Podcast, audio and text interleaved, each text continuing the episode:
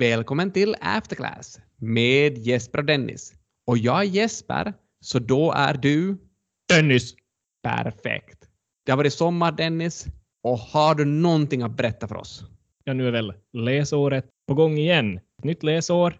Vi avslutade kanske förra läsåret med att säga Sell in May and stay away until St. Ledgers Day. Och det här St. Ledgers Day skulle vara nu i början av september. Nu är det augusti, så inte riktigt där ännu. OMX Helsinki är drygt 8 procent högre nu än 7 maj.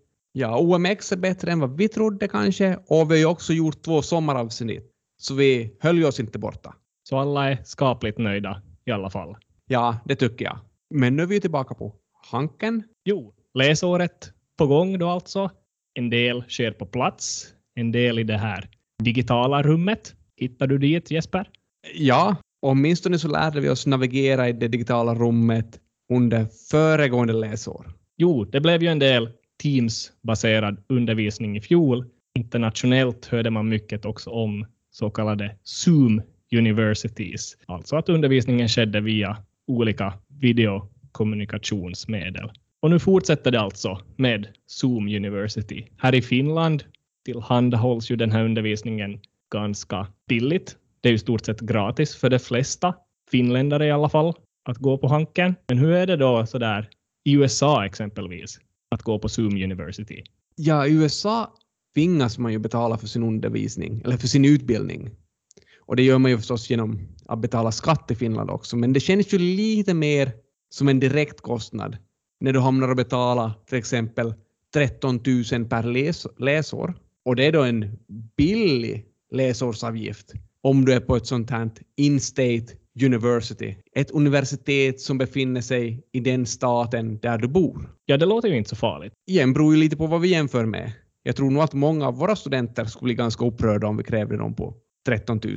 Men då om du skulle vilja gå utanför din egen stat, till exempel till grannstaten som kanske har något riktigt bra universitet, då kan du tvingas att betala upp till nästan 50 000 dollar för ett läsår. Ja, då börjar det kanske kännas faktiskt. Hur är det med sådana här riktiga toppskolor då?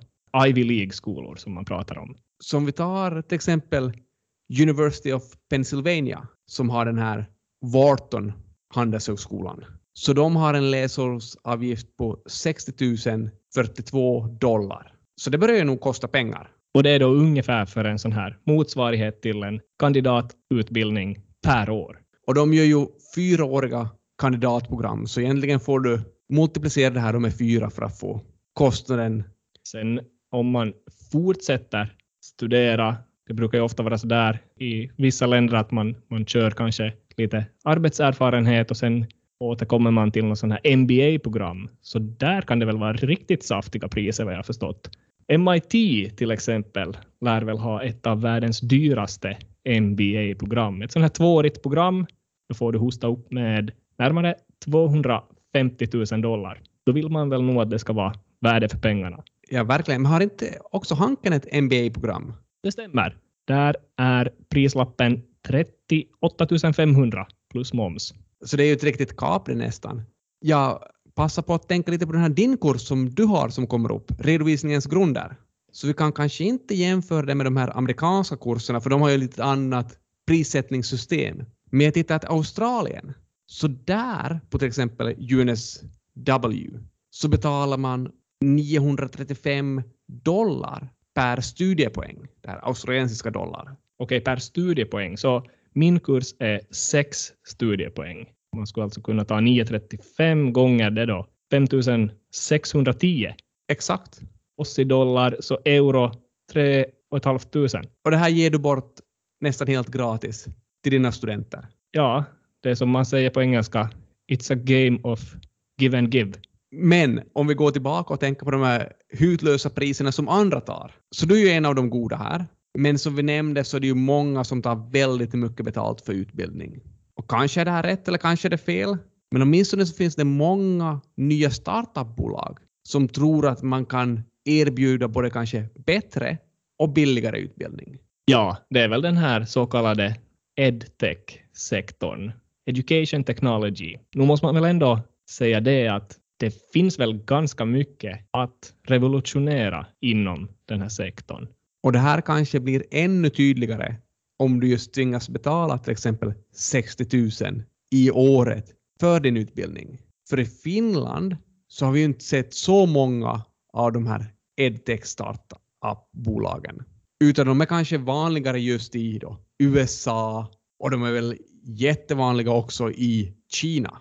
I Kina har det också blivit väldigt populärt med sån här så kallad after school tutoring-företag. Och här kanske man måste säga att att vara tutor i Kina är kanske inte detsamma som att vara tutor här på Hanken. Ja, utan är tutoring mer någon typ av läxhjälp? Jo, det är inte så mycket festande. Det är lite mera läxläsning och hjälpa med de här läxorna åt kanske 5 till 15-åringar. Okej, okay, men det kanske behövs? Ja, det finns väl nog ett behov i ett sånt här land med väldigt mycket människor och stor press att prestera. Finns det något bolag du skulle kunna ta upp från den här sektorn just då? Det finns ganska många bolag. Ett lite intressant exempel är det här Gautu Techedu med tickern GOTU som är listad i USA också. Det här bolaget hette tidigare GSX Techedu. Jag vet inte, är det bra att bolag byter namn nu och då? Nej, det är väl inte så bra. Så du anar redan ugglor i mossen. Vi ska se vad det utvecklas till. Det här bolaget börslistades 2019 till ett pris på 10,50. Direkt efter den här börslistningen sålde så kallade insiders, alltså de här personerna på insidan som, som ledningen exempelvis, sålde väldigt mycket aktier. Direkt priset steg lite till 14. Nu ringer redan varningsklockorna, för det här är ju inte ett bra tecken. Vad säger du om det här då? Registrerat på Caymanöarna? Varningsklockorna ringer fortfarande. Okej. Okay. Före börslistningen, där kring 2014, grundades det här bolaget av läraren Larry Chen. Och han, han kom från ett sånt här riktigt fattigt, fattig liten by i Kina. Ja, där ringer också varningsklockorna. Om bolaget är grundat 2014 och redan har börslistats. Så allt känns som det har gått väldigt snabbt. Jo, man kan säga att Larry också var involverad i ett annat sånt här edtech-bolag tidigare Eh, så han hade lite erfarenhet och kanske gjorde någon slags spin-off med det här GSX. Men eh, det som har hänt på, på senare tid, eller ganska snabbt efter den här börslistningen, kom ett sån här blankarföretag som heter Muddy Waters Research och gjorde ett uttalande att vi tror att det här företaget är ett bedrägeri.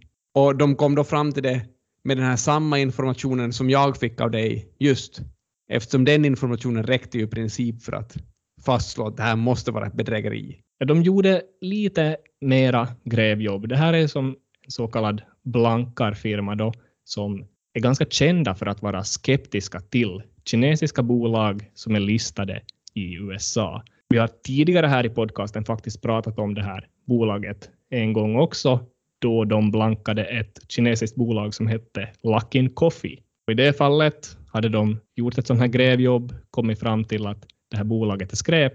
Sen gick bolaget mer eller mindre i konkurs. Så det var en så kallad lyckad blankning då. Men om vi går tillbaka till Goto, så vad var deras argument? Varför är det här bolaget nästan ett fullständigt bedrägeri? Jo, man hade blivit som väldigt skeptisk till verksamheten och bland annat kollat på omsättningen och att den växer med sån här tre och till och med fyra siffriga belopp procentuellt alltså från år till år och att det där inte borde vara särskilt möjligt. Det var också på så sätt att de har frågat gemene man på gatan där i Peking att känner ni till det här Gaotu Techedu? Så sa de flesta att nej, det har vi inte hört så mycket om. Och det är ju konstigt att ett av då Kinas mest växande edtech-bolag har ingen hört om. Det låter som märkligt. Ja, det kan man hålla med om. Fanns det en, någon, känns ändå som det måste finnas någonting mera här. Som... Alltså man gick, man gick på nytt då och grävde i den här verksamheten. Man gjorde det via sån här metadata, alltså data om data av de här användarna till deras kurser. Så man analyserade väldigt många inloggningar och användare på deras sidor. Då kom man fram till att troligtvis närmare 80 procent av de här användarna är fake. Det är troligtvis bottar det rör sig om. Okej, så det här börjar ju låta... Det här låter ju inte så bra. Om 80 procent av ens kunder är fake. Jag funderar lite här att som, vad hade de data på? På någon typ av hur många som deltar i föreläsningarna eller? Alltså, de kollar på IP-adresser av användarna. Och det här då måste vara då online tutoring. Jo, under det här coronaåret och också tidigare var affärsmodellen helt enkelt teknologidriven. Det skulle vara onlineverksamhet och allting skulle ske väldigt effektivt och således skulle det bli väldigt lönsamt. Okej, så, men de kom då fram att på de här online tutoring-sessionerna så är 80 procent bottar. Hur kom de fram till det? Man gick igenom de här inloggningslistorna och kom fram till att en väldigt stor del av användarna kommer in i det här digitala klassrummet i precis samma sekund, vecka ut och vecka in. Så säg att undervisning sker varje måndag klockan sju. Då loggar ett visst antal IP-nummer alltid in 6.58.03 och de loggar in varje vecka samma sekund. Väldigt osannolikt. Ja, men det kan man ju hålla med om. Det låter konstigt. Sen fanns det en annan typ av bottar som de hade identifierat och det var sådana bottar eller användare som hade exakt samma IP-adress som lärarna. Och kom ihåg, det fanns ju inga fysiska klassrum här, så det är väldigt osannolikt att kursdeltagarna skulle vara på samma ställe som lärarna. Så troligtvis är det här då att läraren har x antal bottar med på sina kurser för att få det att se ut som att det finns mycket fler människor. Ja, men det kan ju också. Låter också misstänksamt. Sen fanns det ännu en tredje grupp, så kallade burst joiners. Och det är då de som kom in till klassrummet i ett väldigt stort antal, då det inte annars var så mycket trafik på den här webbplatsen. Sen fanns också ännu en fjärde grupp här som kallades early joiners. Och det är då sådana användare som kom till det här klassrummet mer än 30 minuter före starten.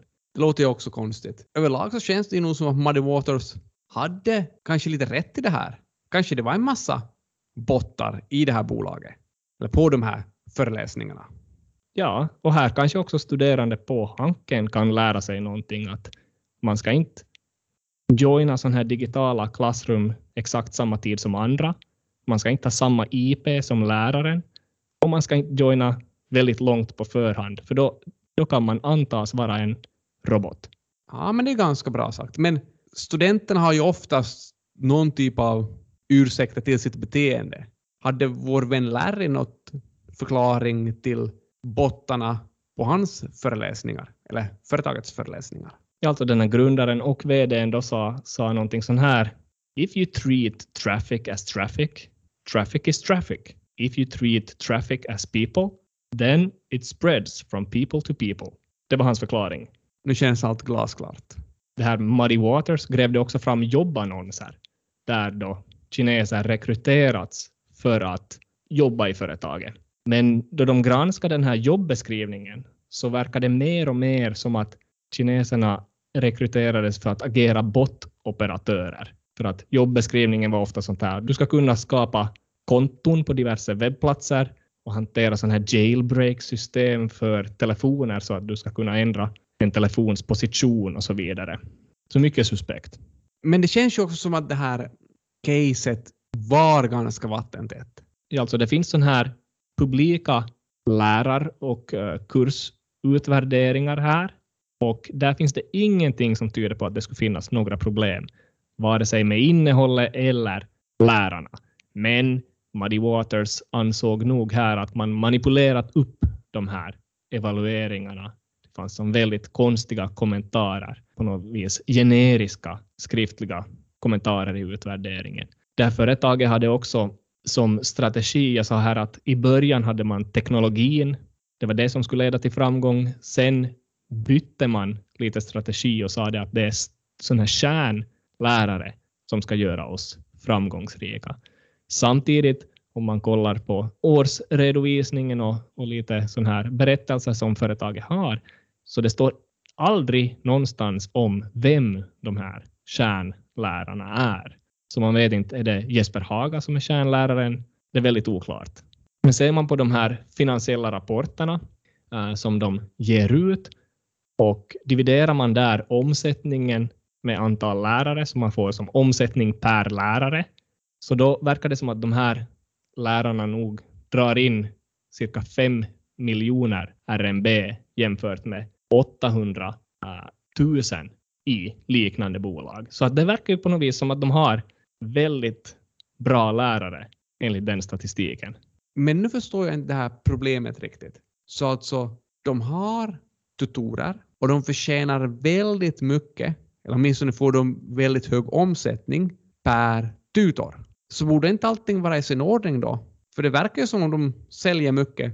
Jo, men samtidigt kan man ju då säga så här att okej, okay, Muddy Waters säger att 80 procent av användarna är fake och således då också kanske att 80 procent av intäkterna eller omsättningen är fake. Ser man på resultaträkningen i det här bolaget så finns det då visst förvisso en väldigt hög omsättning, så högst upp i resultaträkningen har vi en stor siffra. Går vi lägre ner och börjar dra bort kostnader, så den kostnadsposten som är störst är så kallade selling expenses, så att kostnader som är relaterade till marknadsföring, försäljning och liknande, brandbyggande. Då kan det möjligtvis vara så, som så här att, att det är den här bot-operatörerna och deras kostnad hamnar dit. Ja, kanske de har sett det som en liten marknadsföringskostnad. Att de marknadsför sig själv genom att ha många personer, eller många bottar, fake-personer, på de här föreläsningarna. Men igen, det ser ju inte bra ut det här. Så nu vill vi kanske höra lite att hur slutar den här historien? Ja, så efter de här attackerna från blankarna så var aktiepriset lite volatilt, men det fick inte alls kursen på fall, utan aktiepriset tredubblades faktiskt därefter. Så det blev en så kallad blankarbränna. Ja, alltså vad är skillnaden mellan blankabränna och bondbränna? Ja, bondbränna, det är ju lite det här att man har brunbrända armar och nacke, men kanske inte mage och rygg. Så blanka bränna. Är det någonting att man har sån här brunt V här nedenom halsen från skjortan och uh, gråtfyllda ögon? Kanske det skulle vara en bra liknelse. I alla fall är det väl så att blankarna skulle ha velat att priset skulle gå ner, men om priset tredubblades, då var det kanske inte en så lyckad blankning i det här fallet. Och den här Larry Chen, den här fattiga läraren från den här lilla byn i Kina, blev faktiskt en av världens rikaste personer till på köpet i och med att han ägde väldigt mycket aktier i bolaget. Det här var då 2020. Sommaren 2021 gick det ut för dock. Okej, okay, och varför började det plötsligt gå ut för sommaren 2021? Ja, då kom den här Chairman Chi. Han sa att barn i Kina ska inte behöva tillförtro sig till sån här after school tutoringtjänster och att sådana här företag kanske borde vara så kallade non-profits och de borde absolut inte kunna börslistas. Så egentligen kom det väl en order uppifrån att sån här verksamhet ska inte få finnas i Kina. Och det fick då aktiekursen på Gotu att rasa. Ja, då börjar vi närma oss noll från att ha varit uppe och svängt på lite över hundra. Så det är från att varit ett miljardbolag, ett mångmiljardbolag, blev det några hundra miljoner istället. Så blankarna fick lite vad de ville, men det tog väldigt lång tid. De var nog ute efter snabba kap. Men lite rätt känns det ju ändå om man tänker tillbaka till Chairman Chi och vad han säger här då, att, att man ska inte i Kina behöva förlita sig på sådana här after class-tjänster. Ja, after school. After class tror jag nog han är väldigt nöjd med. Vad jag har förstått lyssnar han varje kväll och han kommer också att få lyssna nästa vecka, för då fortsätter vi med nya insikter i After Class.